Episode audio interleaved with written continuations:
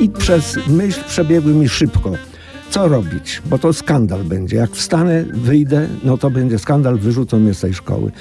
Najlepiej może zemdleć, że udawać, że, że omdlenie. To są niedomówienia, czyli rozmowy niezobowiązujące w RMF Classic. Dzień dobry Państwu, Artur Andrus przed mikrofonem. Dzisiaj naszym gościem jest Czesław Majewski. Dzień dobry. Właściwie powinno się Ciebie przedstawiać Czesław Majewski, mam grać, prawda? No więc, no tak, tak, tak, to się jakoś utrwaliło, ale to w sumie ja to miło wspominam. To się utrwaliło przez kabaret Olgi Lipińskiej, ale z tego, co gdzieś doczytałem, to nie było hasło wymyślone przez Olgę Lipińską. Nie.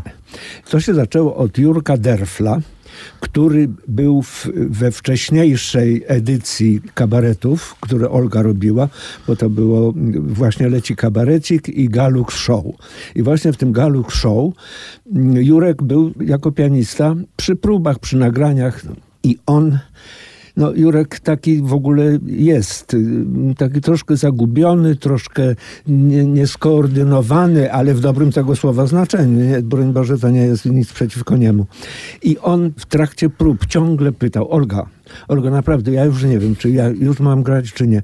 I Olga, powiedz mi, czy ja mam grać, czy nie. I to się tak utrwaliło w tamtej ekipie i w momencie, w 78 roku, kiedy Olga rozpoczęła następną edycję kabaretu, czyli kabaret Olgi Lipińskiej, Kurtyna w górę, to się nazywało, i ja tam uczestniczyłem, rozpocząłem swoje uczestnictwo w tym kabarecie Olga powiedziała, słuchaj, jest, jest takie fajne powiedzenie, czy mam grać, bo to Jurek tego, czy ty, ty, byś, to, ty byś to przejął. Ja mówię, bardzo chętnie. No oczywiście jeszcze tam troszkę skrzywiła mi postać, że tak powiem. Mhm. No i to tak, tak to się utrwaliło. A czy to były pierwsze twoje takie aktorskie zadania? Właśnie ten kabaret Olgi Lipińskiej? Czy ty... I, tak, tak, tak. To było pierwsze takie zetknięcie. Y, właściwie byłem no, y, bardzo, bardzo zaniepokojony i trochę się bałem tych zadań, które przede mną Olga stawiała, ale koledzy moi kochani, artyści wielcy, Janek Kobuszewski, Gajos, Marek Kondrat, Piotrek Franceski, no cała grupa tam była wspaniałych y, ludzi, Basia Wrzesińska, Krysia Sienkiewicz, Wojtek Pokora, no, no same, same wielkie nazwiska, oni mnie zaakceptowali i bardzo miło przyjęli w swoim gronie. Także ja się no, lepiej poczułem jakoś no, i, i postanowiłem, że, że będę to ciągnął jakoś tam. No i postanowiłeś, że masz grać. no prostu. i tak, no, no grać czy nie grać, no ale grać. Pierwsza nasza propozycja muzyczna to jest nawiązanie właśnie do tego grania w kabarecie Olgi Lipińskiej. Czesław Majewski skomponował muzykę do tej piosenki, tekst napisał Andrzej Jarecki. Z zespołem kabaretu Olgi Lipińskiej śpiewa Wojciech Pokora.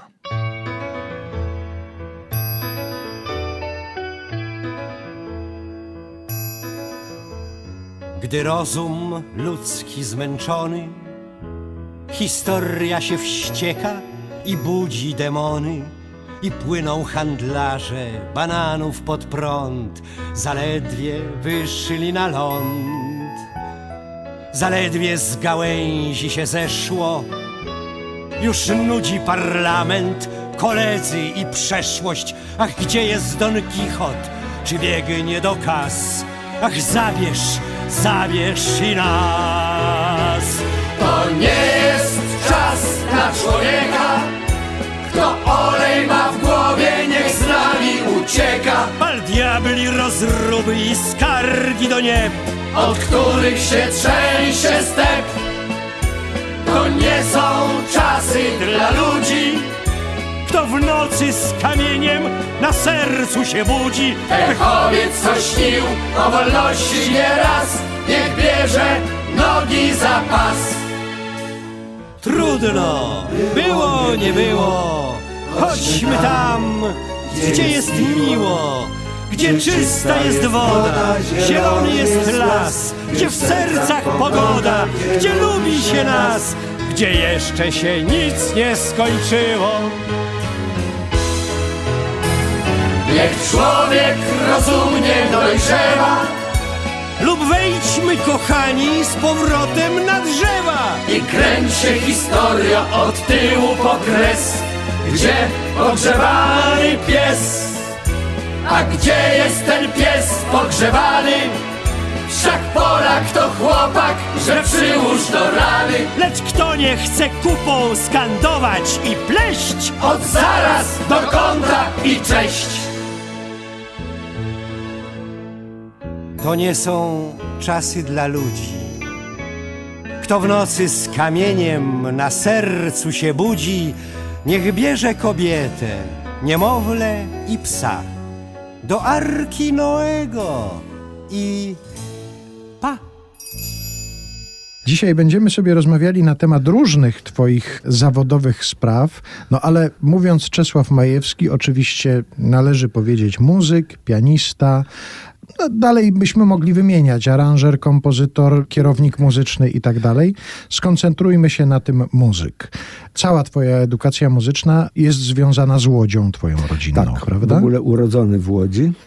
Pierwszy kontakt z pianinem w ogóle miałem też oczywiście w Łodzi w wieku 6 lat niecałych, kiedy skończyła się wojna i do mieszkania, do którego wróciliśmy, bo rodzice byli wysiedleni w 1939 roku, bo to była taka tak zwana lepsza łódzka dzielnica, no więc tam Niemcy zamieszkali, ale jak wróciliśmy do tego mieszkania w 1945 roku, okazało się, że pianino jest po Niemcach zostało, po, po, po tych mieszkańcach tam. No i to był mój pierwszy kontakt, a obok mieszkał y, nauczyciel muzyki, tak się złożyło. No i tak rodzice postanowili, a ponieważ tutaj jest instrument, a ja wykazywałem zainteresowanie jakieś tam podobno, ja tego nie pamiętam, ale tak mi rodzice opowiadali, że dlaczego nie spróbować, może by się zaczął uczyć grać. No i tak się zaczęło. Bardzo to polubiłem, bardzo mi to imponowało, że ja wiem, która to jest nuta i który to jest klawisz. I to ciągle wołałem rodziców i pytałem, czy wiesz, co to, co to jest. Zobacz, taka kropeczka na, na tej pięcioletniej. I ja wiem, że to jest ten klawisz. No, bardzo się tym chwaliłem. No i to już dalej poszło. Potem była, była y, taka szkoła muzyczna, co się nazywało Ludowy Instytut Muzyczny w Łodzi. To pierwsza taka szkoła no, podstawowa muzyczna, można to nazwać. Potem rzeczywiście została zorganizowana szkoła podstawowa i liceum muzyczne, już oficjalne. No i tam kontynuowałem te moje nauki. Plus potem jeszcze Akademia Muzyczna, no wtedy to się nazywało Państwowa Wyższa Szkoła Muzyczna. Ale skoncentrujmy się jeszcze na tym pierwszym etapie, Tak. kiedy zaczynasz grać, mówisz, że to cię zaintrygowało, zainteresowało, no ale zazwyczaj potem przychodzi taki moment, że przestaje intrygować. Ale oczywiście, to już oczywiście było tam po dwóch czy trzech latach, kiedy trzeba było naprawdę zacząć ćwiczyć. I to ćwiczenie to była mordęga. Oczywiście rodzice cały czas mnie naganiali. Tam, jak to już tak przysłowiowo, na podwórku koledzy w piłkę, a ja przy pianinie. No wprawdzie nie, nie, nie było akurat kolegów na podwórku grających w piłkę, ale mimo wszystko to ćwiczenie nie było dla mnie, nie było moim ulubionym zajęciem. No ale to była konieczność, jeżeli cokolwiek miało zaistnieć w tym względzie, w tym zawodzie, no to ćwiczenie jest, jest nieodzowne, było nieodzowne. W domu wcześniej były jakieś tradycje muzyczne? Znaczy, moi rodzice mieli wspaniały słuch. Śpiewali na, na takich spotkaniach rodzinnych. No to wiadomo było, że Gienia i Edzio zaśpiewają pięknie. No i te, no, więc jakieś, no, odziedziczyłem po nich ten słuch podobno. I to były jedyne chyba. Ojciec po amatorsku grał na pianinie, ale to dosłownie tam kilka akordów. No. Czyli właściwie można powiedzieć, że to, że zostałeś pianistą, to w dużej mierze ten taki szczęśliwy przypadek po tych nieszczęściach wojny, że zostało to pianino, bo Tak. gdyby go tam nie było w tym mieszkaniu, być może nikt by nie wpadł na taki Oczywiście, pomysł. m, ale to jeszcze nie koniec było z tym pianinem, dlatego że po roku wyszedł dekret y, y, no, władz ówczesnych, że wszystkie meble duże, instrumenty poniemieckie trzeba zdawać na skarb państwa. Chyba, że się wykaże nauką gry na fortepianie albo jakimiś specjalnymi zdolnościami. Ja wtedy jeszcze właśnie byłem tylko uczony prywatnie przez tego pana profesora sąsiada, więc nie mogłem się wykazać żadnym dokumentem, że ja studiuję czy uczę się muzyki. Więc zrobiono mi egzamin. No i wtedy się okazało, że z tym słuchem moim jest bardzo dobrze, bo to, bo to na tym polegało, że ten absolutny słuch tak zwany, teraz już po nim śladu pewno nie ma, ale wtedy mi się bardzo przydał, bo dzięki tej umiejętności słyszenia, dźwięków, dobrego słyszenia, wygrałem to pianino, bo zostawiono mi to pianino. Przejdźmy teraz do kolejnego etapu Twojej edukacji muzycznej, czyli Państwowej Wyższej Szkoły Muzycznej w Łodzi. Ty studiowałeś w klasie wybitnej pani pedagog, która napisała podręczniki do nauki, do ćwiczeń fortepianu. Czy ty do niej trafiłeś po prostu po egzaminie i jakąś taką drogą naturalną, że przypisano cię do tej akurat nauczycielki? Czy to był jakiś twój wybór? Nie, to nie był mój wybór, to był wybór właśnie pani profesor Emmy Altberg. Ja już w szkole średniej rozpocząłem naukę u pani profesor. Ona była na egzaminach końcowych szkoły podstawowej muzycznej. I wybrała mnie na cały okres pięciu lat szkoły średniej muzycznej i potem już przeszedłem automatycznie, jak gdyby na studiach też do niej, bo ona również wykładała w w wyższej y, uczelni. I rozumiem, że pomysł na Czesława Majewskiego pianistę był taki, że to będzie klasyczny, koncertujący pianista. Oczywiście, oczywiście, że tak. I tutaj zaczynały się problemy, o których krótko opowiem, bo już w szkole średniej koledzy namówili mnie do uczestnictwa w takich zespolikach. Co było bardzo źle widziane przez grono pedagogiczne. Właściwie liczyła się tylko klasyka i nie wolno było, wręcz to, to nie, nie to, że nie, nie źle widziane, ale po prostu zabronione było uprawianie muzyki tak zwanej lekkiej. No, my cichaczem zorganizowaliśmy taki zespół Dixielandowy. Bardzo mi się to podobało, bo tam można było poimprowizować. Bardzo, bardzo to, to takie moim zdaniem było rozwijające, co później opowiem. Bardzo mi się przydało w latach następnych. I to było źle traktowane przez władze uczelni. Nie wiem, czy już mogę teraz powiedzieć o tym, jak to mi się przydało. Bardzo proszę, tak. Otóż po czwartym roku szkoły średniej, bo pięcioletnia szkoła średnia była, na zakończenie tego były tak zwane popisy, co się nazywało, w filharmonii. Wszyscy kończący czwartą klasę występowali na koncercie w filharmonii. Bez orkiestry, tylko solowe wykonania. Z orkiestrą były koncerty po piątym roku na zakończenie, na dyplom. Po tym czwartym roku ja byłem też przewidziany do występu. Mało tego, wyznaczono mnie jako ostatniego do występu, czyli to było jakieś takie nobilitujące. Bardzo byłem tym przejęty. Miałem wykonać dwa utwory. Jako drugi to był, pamiętam, Tokata Haczaturiana. Szalenie efektowny utwór, ale bardzo łatwy do zagrania, bo tak dobrze napisany dla pianisty, że mimo tej łatwości był bardzo efektowny. A jako pierwszy była pierwsza część koncertu włoskiego Bacha. No i ja tę pierwszą część znałem perfekcyjnie, drugą troszkę, a trzecią ledwo liznąłem. Na nieszczęście pierwsza i trzecia część bardzo podobnie się zaczynały. Ja grając już ukłon, po ukłonach siadłem, zaczynam grać i czuję, że coś mi jest niewygodnie w palcach, że, że te palce nie, nie, nie, nie, nie, nie biegną jakby tak automatycznie, tylko ja się muszę zastanawiać, ja- jaki następny dźwięk. I się zorientowałem po kilku sekundach, że ja gra, zacząłem trzecią część, której nie znam do końca i przez myśl przebiegły mi szybko. Co robić? Bo to skandal będzie. Jak wstanę, wyjdę, no to będzie skandal, wyrzucą mnie z tej szkoły. Najlepiej może zemdleć, że udawać, że, że omdlenie. I tutaj właśnie przydało mi się to hałturzenie tak zwane w tym zespole tym Dixielandowym. Ja zacząłem improwizować tego Bacha. Tak, żeby się znaleźć w początkowej tonacji. I tak przeszedłem do pierwszej, do początkowej tonacji, czyli do akordu C septimowego i zacząłem pierwszą część, tą właściwą. Oczywiście załamany byłem kompletnie, potem y, jeszcze tę tokatę wykonałem. Y, oklaski były no, wielkie, ale ja nie wyszedłem ani razu, żeby się jeszcze raz ukłonić, bo byłem prze, no, załamany.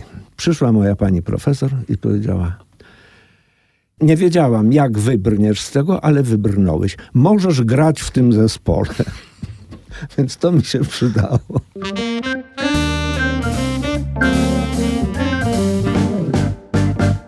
Czesław Majewski dzisiaj u nas w Niedomówieniach w RMF Classic i opowiadamy o tym łódzkim etapie życia zawodowego, czyli właściwie edukacji, zdobywania, zdobywania szlifów pianisty.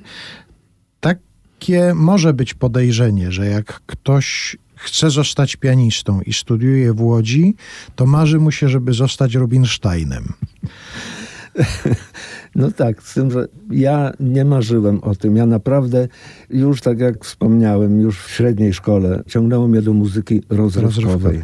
Ale a widziałeś kiedyś koncertującego Rubinsteina? Byłeś na koncercie Nie. Artura Rubinsteina? Nie, nie, nie udało mi się. Nie, nie, nie, nie akurat nie, nie trafiłem. Tak. No dobrze, ale jak już wiesz, że to raczej ciebie pociągnie w inny rodzaj muzyki, że to nie ta muzyka klasyczna, której jednak nadal się uczysz, bo taki jest program Wyższej Szkoły Muzycznej. Domyślam się, że musiał być. Z moich rozmów e, z muzykami wynika, że prawie każdy ma, ma coś takiego, że musiał być jakiś taki utwór, który do dzisiaj wywołuje pojawienie się kropelek potu na czole, kiedy sobie przypomina, co musiał zagrać na egzaminie. O jednym z nich wspomniałeś, o tym, o Tak. tym zderzeniu Tak. e, z utworem Bacha, ale czy było jeszcze coś takiego, co ci spędzało sens powiek i myślałeś sobie, że nie, ja tego nigdy w życiu nie zagram? Nie, poza tym koncertem Bacha, który przerabiałem y, na różne sposoby, ni- niczego mi się takiego nie trafiło. Nie, przynajmniej nie, nie wspominam w tej chwili tego, nie pamiętam czegoś takiego.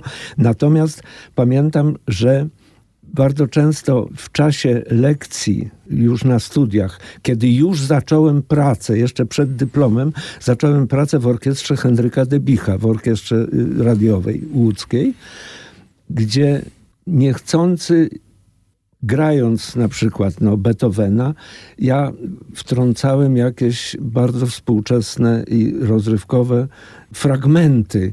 Pani profesor w ogóle jak, jakby ją, w nią piorun strzelił. Mówi, co ty wygrywasz? Ja mówię, przepraszam, ale to, to, to były odruchowe jakieś dodatki, jakieś ozdobniki charakterystyczne dla muzyki rozrywkowej, ale broń Boże nie dla muzyki klasycznej. A to było nawet poza moją świadomością. Ja już zacząłem łączyć te dwa rodzaje muzyki i to było niedobre oczywiście, bo, bo to, to pamiętam, że, że były takie momenty. No ale jak już wiedziałeś, że to muzyka rozrywkowa to będzie twój świat i, i twoje życie, to chyba naturalne, że bardziej cię w tamtą stronę wszystko ciągnęło i, i to się po prostu w tobie tworzyła taka muzyka.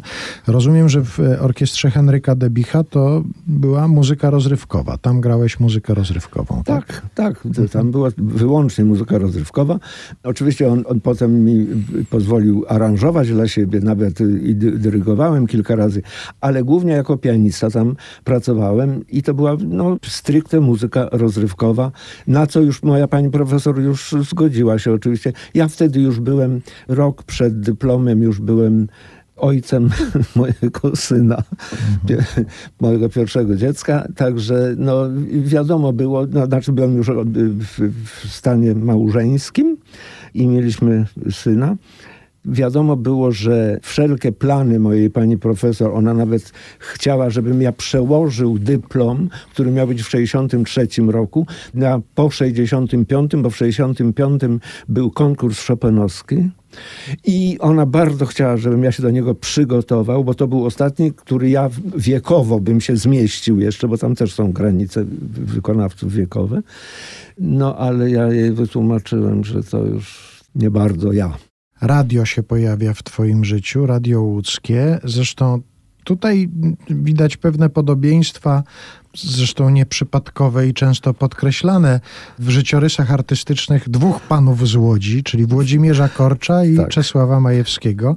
Tylko Włodek wspomina, że on przygotowywał audycje muzyczne. Czy ty też miałeś takie zadania w Radiu Nie, Łódzkim? Nie.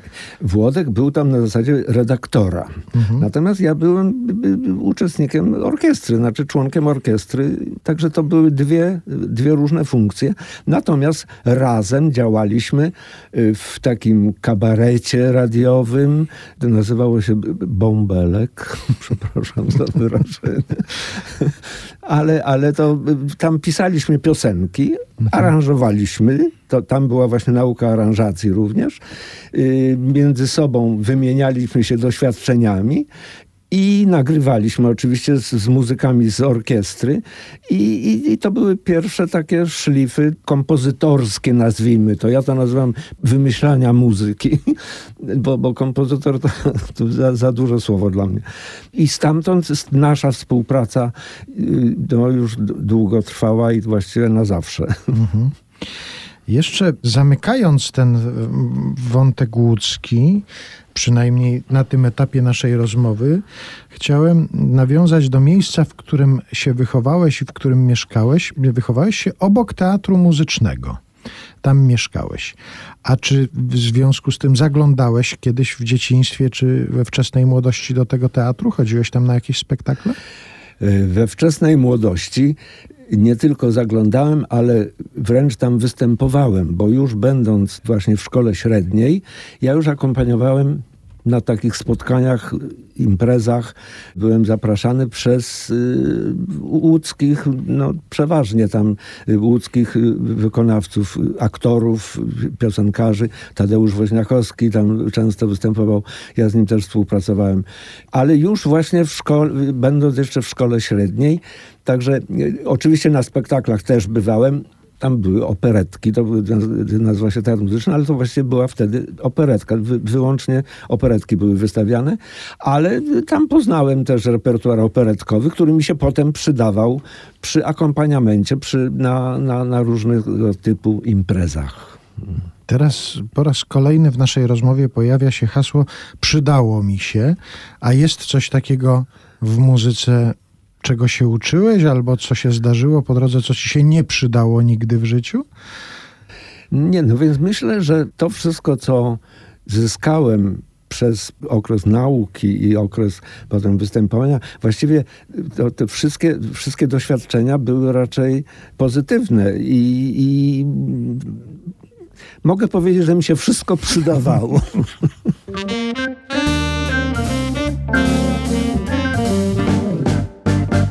Czesław Majewski dzisiaj u nas w Niedomówieniach w RMF Classic.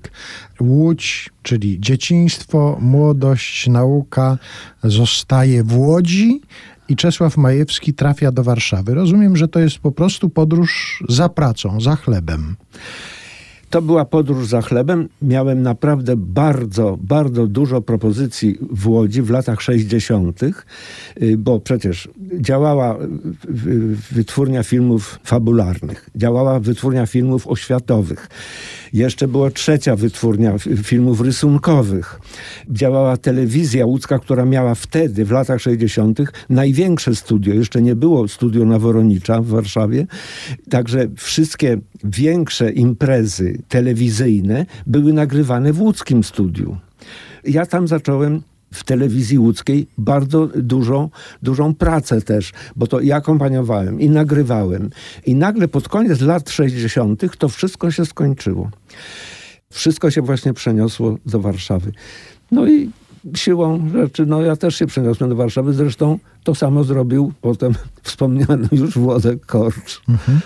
Ale jechałeś tutaj już do jakiegoś konkretnego zajęcia, już miałeś konkretną propozycję, czy nie była to konkretna stricte propozycja na, na jakąś konkretną rzecz, tylko już miałem kontakty, bo i przyjeżdżałem wcześniej do podwieczorków przy mikrofonie, przez kilka lat y, y, działałem tam. Y, miałem z telewizją ciągłe kontakty, bo ciągle aranżowałem coś, albo, albo nawet udawało mi się jakieś tam swoje wymysły piosenkarskie też tam utykać. Także ja miałem, miałem już nawiązane tak zwane kontakty i właściwie nie było problemu. Ja, ja, tylko dałem znak, że jestem w Warszawie i natychmiast miałem jakieś tam propozycje. Byłem zauważony i zacząłem występować w festiwalach i w Opolu i wtedy w Kołobrzegu był też taki festiwal piosenki żołnierskiej, to się nazywało. Także to wszystko się wiązało z moim nagłym pojawieniem się w Warszawie, że nagle zacząłem otrzymywać sporo naprawdę i to bardzo ciekawych propozycji. Jak się spojrzy w taki wykaz Twojego dorobku artystycznego, który gdzieś funkcjonuje w różnych miejscach w internecie, to rzuca się w oczy, że najwięcej miejsca zajmuje tam teatr właściwie. Tak, tak.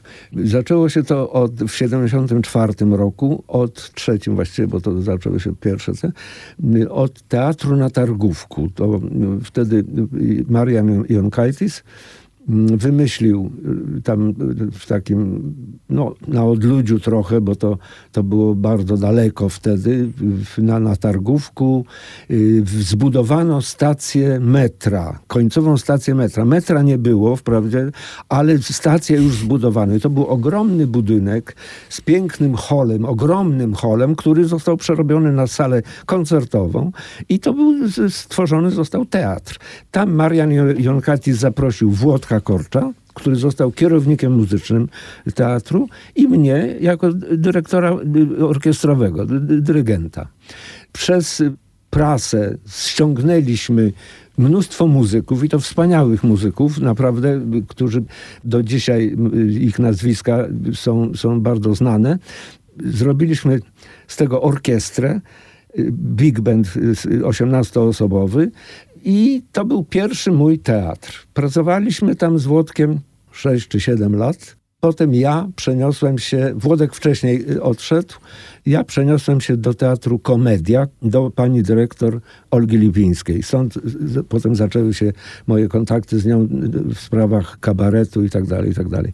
No później jeszcze był teatr Syrena. No, w, w każdym razie bardzo, bardzo wiele lat, no, od 70 lat do początku 2000 czy do końca 90 to były ciągłe prace w teatrach.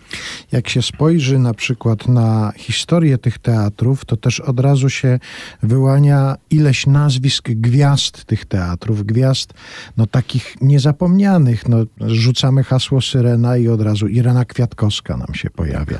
Ale tam i Violetta Villas, i Irena Santor tam się pojawiły tak. przecież. I ty rozumiem, z wszystkimi tymi gwiazdami pracowałeś. Tak, tak, I, to, i to po wiele lat z panią Ireną Kwiatkowską jeździliśmy y, w latach, no już, już teraz 10, 11, 12 po Polsce y, z takim programem jej, y, bardzo, bardzo no, wspaniale przyjmowanym przez publiczność. Zresztą kochali ją wszyscy.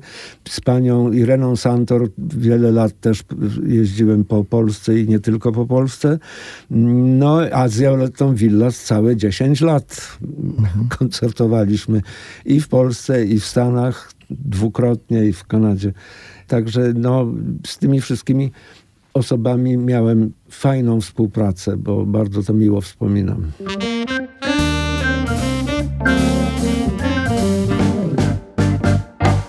Czesław Majewski dzisiaj u nas w Niedomówieniach w RMF Classic.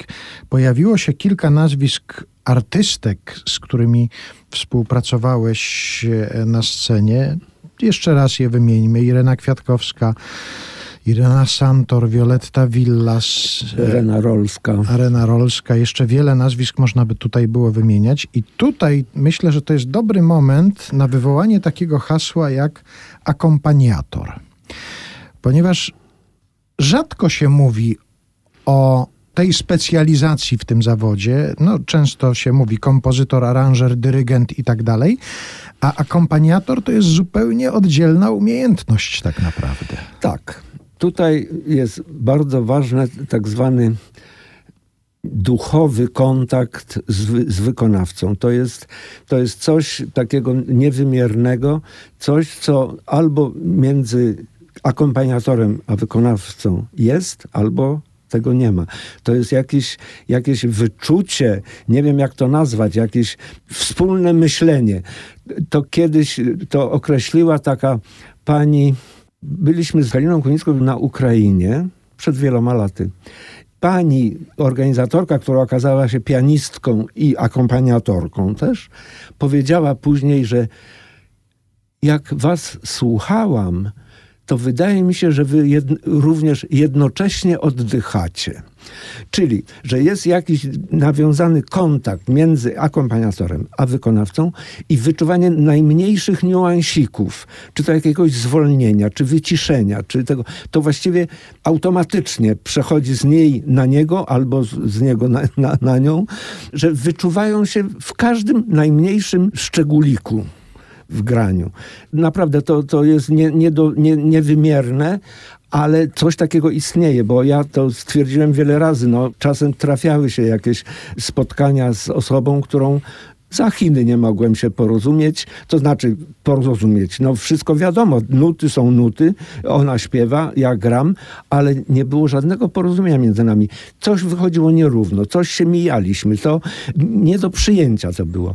A bywały takie rzeczy, gdzie takie momenty, kiedy z, właśnie z tymi osobami, które przed chwilą wspominaliśmy, że to był natychmiast nawiązywanie jakiegoś kontaktu takiego perfekcyjnego. No, nie potrafię tego określić, ale jest coś takiego. To jest jakiś siódmy zmysł, czy dziesiąty zmysł, który jest między akompaniatorem a wykonawcą. I często się okazuje przecież, że wybitny pianista niekoniecznie musi być świetnym akompaniatorem, bo solistycznie potrafi zagrać, a już na przykład ten związek uchwycić z tą drugą osobą się nie udaje. Oczywiście. To jest tak zwana służebna jakaś rola akompaniatora, ale moim zdaniem ważna i to trzeba się oczywiście jakoś, poza tym wszystkim, co mówiłem o tym kontakcie, to trzeba się też dostosować do wykonawcy. Trzeba złapać jego styl, jego przyzwyczajenia jakieś i iść za nim. Mhm. I tutaj ponownie pojawi się w naszej rozmowie hasło przydało mi się, bo wydaje mi się, że ci się bardzo przydały te twoje doświadczenia akompaniatorskie w czasie, kiedy pojawił się w życiu twoim i Janusza Tylmana taki program telewizyjny śpiewające fortepiany. Do dzisiaj zresztą wspominany przez ludzi, do dzisiaj to hasło funkcjonuje. To te lata akompaniowania i dostosowywania się, łapania się z tymi ludźmi, z którymi akurat się występuje na scenie, musiały się przy tym przydać. Tak. To na pewno, to, to masz rację, to się przydało, znów się coś przydało. To były bardzo fajne lata, y, bo to cztery czy pięć lat to trwało, z jakąś roczną przerwą. Ludzie podejrzewali naprawdę, że my to wszystko wiemy wcześniej, że tego. Natomiast wierz mi, proszę, żeby i Państwo, żeby uwierzyli, że nam nie wolno było wiedzieć, jakie będą zadania, jakie będą piosenki, jakie w tych tekstach ukazujących się po jednym słowie, o jaką to piosenkę chodzi. Mało tego, ponieważ to była licencja kupiona u Anglików, ale to w ogóle zdaje się była licencja irlandzka. Czasem zdarzało się, że przed nagraniami przyjeżdżał ktoś z BBC i sprawdzali, czy muzycy są oddzieleni w trakcie nagrań, przed nagraniami od wykonawców, od, od Rudiego Schuberta, od organizatorów i od orkiestry, bo orkiestra, oni mieli podane niektóre piosenki, tytuły, żeby mogli przygotować coś. Natomiast nam na, naprawdę nie wolno było wiedzieć. I nagranie trwało około półtorej godziny, godzinę 50, natomiast na antenę szło 55 minut tylko, czyli wszelkie zatrzymania, jakieś przerwy były wycinane przy montażu, a wtedy właśnie było, można było, jak się ukazywało słowo klasik, no to można było pomyśleć, zaraz, zaraz, w, w jakiej piosence może być to słowo, w jakiej tego, ale aha, no w tej piosence, dobrze, to jaka tonacja, ustalmy tego. To wszystko było wycinane, tylko mhm. padało słowo i my zaczynaliśmy grać. Więc to trochę było sztucznie mhm. i dlatego ludzie podejrzewali, że my to znaliśmy. No ale to nieważne. Nie znaliśmy, naprawdę. I najgorszą rzeczą było, znaczy coś, co, co nas z Januszem męczyło przed nagraniem, żeby się nie skompromitować w tym sensie, że nasi goście, czyli pani i pan siedzący obok nas, będą chcieli zaśpiewać jakąś piosenkę, a my powiemy, nie znamy tego. No więc to. A zdarzyło się kiedyś? Jedną piosenkę ja pamiętam zdarzyło się, że ja powiedziałem, nie zagram, bo nie pamiętam. Z tym, że ja, ja tę piosenkę, jak się potem okazało, znałem ze słyszenia, to było Hey Johnny Walker. Mhm. Hey Johnny Walker, ta, ta, ta, ta, Hey Johnny Walker, ty, ta, ta, ta, ta. No, taka mhm. piosenka była. I ja powiedziałem, że nie, nie, nie pamiętam. I to wtedy punktacja przeszła na, na sąsiedni fortepian. Tutaj straciłem. I raz mi się to zdarzyło. Ale głównie nie wiem w jaki sposób, ale gdzieś tam odzywały się, otwierały się jakieś komórki w mózgu, gdzie coś, co kiedyś może gdzieś słyszałem i to nagle, zaraz, zaraz, zaraz, to, to jakoś, tak, jakoś tak szło to, szło to. I to próbowaliśmy to zagrać i, i właściwie nie wiadomo skąd znaliśmy niektóre rzeczy, znaczy przypominaliśmy sobie, że kiedyś gdzieś słyszeliśmy i rzeczywiście to można zagrać. No, no to musiały być setki tych utworów, jeśli nie tysiące tak, nawet. Tak, y, były liczone nawet, to Rysiek Poznakowski, który brał dwa razy udział w tym, a był wielkim y, fanem tego programu, powiedział, słuchaj, tam musiało być ze dwa i pół albo i trzy tysiące piosenek. Nie wiem, to co We wszystko, co powiedziałeś przed chwilą, ja ci wierzę, ponieważ też byłem gościem jednego z odcinków tak, śpiewających pamiętam. fortepianów i też byłem zaskoczony, że Wy tak po prostu, od razu, wy wiecie, wy, e, w sensie nie, że wiecie, tylko potraficie od razu zagrać taką, taką melodię, która z nienacka się pojawia. No i uświadomiłem sobie, że dobrze, no tutaj kilka tych może znają, ale muszą znać parę tysięcy, żeby to zagrać. A zdarzało wam się, no bo wspomniałeś o tym, że to był program telewizyjny na licencji, e, zdarzało wam się też, na przykład pokazano wam na początku, jak to wygląda w innych tak, krajach, jak tak. to ma... Pokazano nam y, nagranie z Rosji, bo w Rosji już ten program wcześniej szedł, i chyba z Francji. Mhm. To, to było bardzo podobnie z tym, że na przykład taki program y, w, z Rosji, ja to akurat taki no, fragment tego, ale to zapamiętałem do dziś, bo ukazało się jakieś słowo i pani, już nie pamiętam jak się nazywała ta artystka, która tam jako gość była, powiedziała, o, ja wiem w, jakiej to jest, w jakim te to słowo pada. I zaśpiewała piosenkę bardzo długą i w czwartej zwrotce to słowo padło.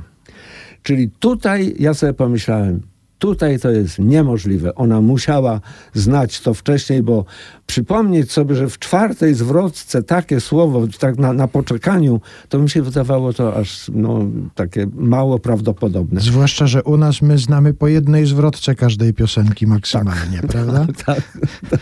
Nawet kolendy tylko jednej zwrotki. Tak jest, właśnie. A spotkałeś kiedyś osobiście na przykład jakiegoś pianistę, który w jakimś innym kraju grał w programie śpiewające fortepiany, czy nie? Nie, nie, nie było, nie. nie było takich międzynarodowych spotkań śpiewających było. Ale rozumiem, że to hasło wraca do dzisiaj, prawda? To już wiele lat minęło od emisji tego programu, a wy z Januszem, z Januszem Tylmanem cały czas jesteście kojarzeni z tym programem. Tak, mało tego, my sobie zrobiliśmy w odróżnieniu od, od y, programu, gdzie byliśmy właśnie przy dwóch tak zwanych konkurujących ze sobą fortepianach, chociaż w trakcie, jak pamiętasz też i pomagaliśmy sobie też. Natomiast y, postanowiliśmy, jak się skończył ten program, postanowiliśmy y, zrobić duet fortepianowy ale taki typowy w stylu Marka Iwacka, Marka Kisielskiego i Wacka Tomaszewskiego. A z, pomogła nam w tym telewizja, bo zaproszono nas w latach, nie wiem, no przed, przed dziesięcioma laty chyba, zaproszono nas do programu wręczania nagród Kisiela. No to przygotowaliśmy właśnie dwa utwory, wykonaliśmy to i postanowiliśmy to kontynuować i właściwie do dzisiaj występujemy, bo nawet y, ostatnio przed dwoma tygodniami czy dziesięcioma dniami y, mieliśmy koncert sylwestrowy w Gdyni na uh -huh, uh -huh.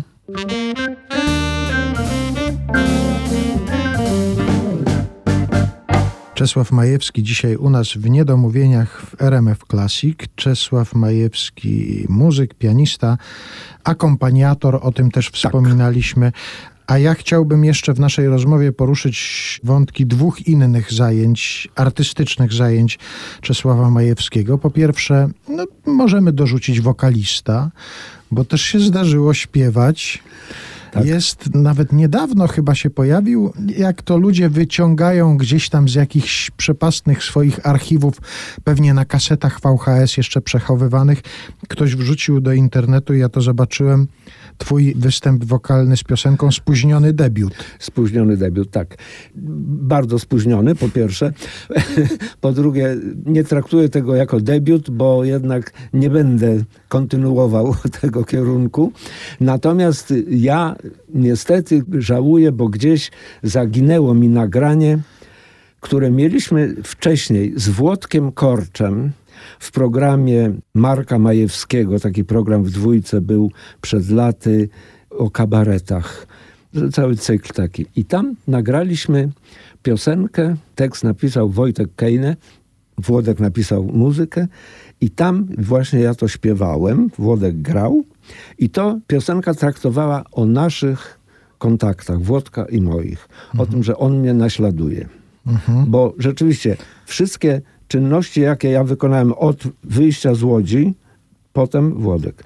Ja tu, Włodek. Ja tu, Włodek. I to oczywiście przypadek, ale, ale to był powód do napisania takiego bardzo dowcipnego tekstu. Ja to wykonałem i tam dobrze zaśpiewałem, naprawdę. Włodek mnie pochwalił. I potem na zakończenie tego śpiewu ja siadałem do drugiego fortepianu i kończyliśmy to y, y, grając na, na, na, w duecie. I tego nagrania niestety nie mogę znaleźć, a to było naprawdę dobre. Mogę, mogę to z, z, z pełną odpowiedzialnością powiedzieć, że i dobrze zaśpiewane, i świetna piosenka. Włodek trafił w dziesiątkę. Na pewno to gdzieś jest, na pewno to się zaraz znajdzie i pojawi się w internecie. Tak jak to nagranie z 92 roku z orkiestrą Zbigniewa Górnego. Tam Czesław Majewski najpierw zaczyna dyrygować, a potem zaczyna śpiewać piosenkę o swoim spóźnionym debiucie. Ktoś tam nawet napisał, że w chórku Andrzej Piaseczny występuje. Tak, tak, tak, tak. No to niezły chórek miałeś. Miałem. A jeszcze rzeczywiście to należy powiedzieć, że to nie był debiut wokalny Czesława Majewskiego, bo przecież w programie Danuty Rin wiele lat wcześniej, w 1975 roku, zaśpiewaliście w kwartecie wokalnym. Kwartet wokalny Andrzej Zaorski, Włodek Korcz, Bogdan Czyżewski i, i ja. Tak, to było w Opolu, to był re- recital Danuty Rin, ale to był, było związane z Mistrzostwami Świata w piłce nożnej. Na scenie była bramka, my byliśmy w, w, w kostiumach sędziów, znaczy Włodek i ja, i, i Andrzej Zaorski, y, sędziów piłkarskich. Y, No i śpiewaliśmy Polska Gola. Tak, chyba. Polska Gola. Polska tak. Gola. I jeszcze to jedno zajęcie, o którym chciałbym porozmawiać. To są, zresztą zasygnalizowaliśmy na początku naszej rozmowy to zajęcie i tę część Twojego zawodowego życia, czyli role aktorskie. Kabaret Olgi Lipińskiej, to już wspomnieliśmy. Domyślam się, że od tego się zaczęło i kolejne propozycje zaczęły się pojawiać. I co jest zrozumiałe, że kiedy jest potrzebny ktoś, kto zagra pianistę i jeszcze będzie umiał grać, no to wiadomo, że się dzwoni do Czesława Majewskiego, żeby Czesław Majewski zagrał i w związku z tym się pojawia na przykład e, w e, Wojnie Światów, e, nie, przepraszam, to tam recepcjonistę grałeś. Tam recepcjonista, tak. Ale były takie muzyczne, no na przykład pułkownik Kwiatkowski to jesteś organista. Organista. Złoto dezerterów harmonista. Tak. Śpiewający. Śpiewa, śpiewający harmonista. Ale chciałem właśnie o tych rolach niemuzycznych porozmawiać. To rozumiem, że to czasami tak bywa, że dostaje się takie role ze względów towarzyskich na przykład, że reżyser sobie przypomni, a jest Czesław Majewski, to niech Czesław Majewski zagra recepcjonistę na przykład tutaj. Czy występowałeś w castingach na przykład? Brałem udział w kilku castingach, Mhm. zresztą bez, bezowocnie, że tak powiem. Nie, coś tam kiedyś, jakąś reklamę, to były do, do reklam. Tego.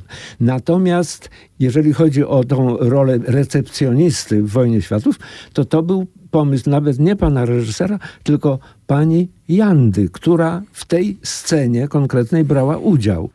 Także to bardzo miło wspominam. Nawet jej kiedyś, teraz niedawno, bo miałem kontakt z nią, przypomniałem to i ona powiedziała tak, pamiętam, mało tego, miałam dobrą rękę, czy coś takiego. Ale zaraz, jak to? Czyli to Krystyna Janda powiedziała reżyserowi Czesława Majewskiego, zatrudnijcie do tej roli? Tak, tak. Ja nie pamiętam już, gdzie my się wcześniej spotkaliśmy, Mhm. ale w każdym razie to był pomysł pani Krystyny Jandy. Mhm. Po, poprosiła pana reżysera. No a jeszcze takie role jak na przykład Fuchs 2. Fuchs 2, no to właściwie ja nie wiem, dlaczego tam wziąłem udział. Znaczy ja się ucieszyłem, bo to zawsze chodzi o, o, o fajny kontakt, no bo tam spotkałem na przykład Jan, Janusza y, Gajosa, z którym pracowaliśmy razem w kabarecie. Mało tego, ja tutaj nie wspomniałem o jednej rzeczy, że ja studiując w Łodzi, jednocześnie pracowałem piętro niżej w szkole aktorskiej w szkole teatralnej, bo to jeszcze było przed połączeniem szkół teatralnej z filmową. Były dwie oddzielne szkoły, filmowa na Targowej, a y, to na 3 maja, na Gdańskiej 3 maja. I na pierwszym piętrze była wyższa szkoła muzyczna, a na parterze była wyższa szkoła teatralna. I ja jako asystent piosenki pracowałem właśnie z, z Januszem Gajos. On był mo- moim studentem. Uczyłeś go śpiewać? Tak, tak. Janusza Gajosa, Elę Starostecką. No i jeszcze kilka nazwisk, które w tej chwili może m- nie, nie przypomnę sobie, ale to były moje pierwsze właśnie kontakty z, z tego typu ludźmi, tymi, tego typu nazwiskami. Ale to odbiegłem na chwilę od tematu. Także to, że wziąłem udział w, w Fuksie 2, no to wspaniale, bo to spotkałem i na, na planie, jak to się mówi, spotkałem Janusza Gajosa, spotkałem Sztura, młodego, spotkałem jeszcze tam innych aktorów, także byłem z tego bardzo zadowolony. A wziąłem udział Dlatego, że zadzwoniła do mnie jedna pani, nawet nie wiem kto, z, tam z filmu, że jest y, taka propozycja. I nie wiem, kto mnie tam anonsował. Może Janusz Gajos? Bo może, chociaż nic mnie na ten temat nie powiedział, raczej się zdziwił i ucieszył, jak mnie zobaczył. A może to jest tak, że Czesława Majewskiego obsadza się w rolach aktorskich niemuzycznych, nie mówimy o tych takich muzycznych, tylko niemuzycznych, właśnie z rekomendacji innych wybitnych aktorów. Tu Krystyna Janda mówi, tu Janusz Gajos, tu ktoś inny, zadzwońcie do Majewskiego. Być może, być może bardzo się z tego cieszę i dziękuję. Ten Janusz Gajos, który był studentem Czesława Majewskiego, on się rwał do śpiewania? Wręcz przeciwnie. On bardzo unikał. Wszystkie momenty, kiedy Olga w kabarecie proponowała, żeby Janu, Janusz tutaj, ty, oj nie, nie, nie, nie, Olga, błagam cię, nie. Janusz, zresztą on, on się do tego przyznawał, że bardzo nie lubi, nie lubi tego i nie robił tego, może nie czuł się dobrze w, w tym. No także on bardzo, bardzo unikał raczej tego śpiewu. Także tutaj nie mogę się pochwalić, że go tak dobrze wy, wyszkoliłem tam w szkole aktorskiej. No ale nie, no jednak ślady wokalnej działalności mamy Janusza Gajosa, czyli to zostało po latach w nim. No i, i, i- dobrze, to, że ja się do tego troszkę przyczyniłem To tak myślę, że, że to będzie ładne zakończenie naszej rozmowy, że posłuchamy jak śpiewa Janusz Gajos. Brawo! To Będzie to wspaniale. piosenka z kabaretu Olgi Lipińskiej, czyli wszystko nam się połączy. No to na zakończenie naszej rozmowy uczeń Czesława Majewskiego zaśpiewa na, na, na naszej antenie. Bardzo dziękuję za tę rozmowę. Ja również bardzo dziękuję Tobie i Państwu. No i jedyne co mogę powiedzieć, to masz grać po prostu. Gram.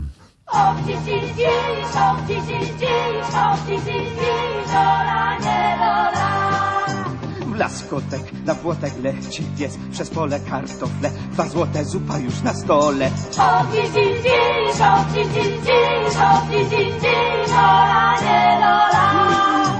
Hop, ci, ci, dziś, hop, ci, ci, dziś, hop, ci, ci, dziś, dola, nie dola. Lechci pies przez pole płynie, Wisła płynie, kożuch zjadły mole, nieszczęście w rodzinie. Płynie, Wisła płynie, dudni, woda dudni, chłopcy malowani, a pod spodem brudni. O, Kiedy ranne zorze zachocze, słoneczko biją się na noże, dwaj panowie steczko.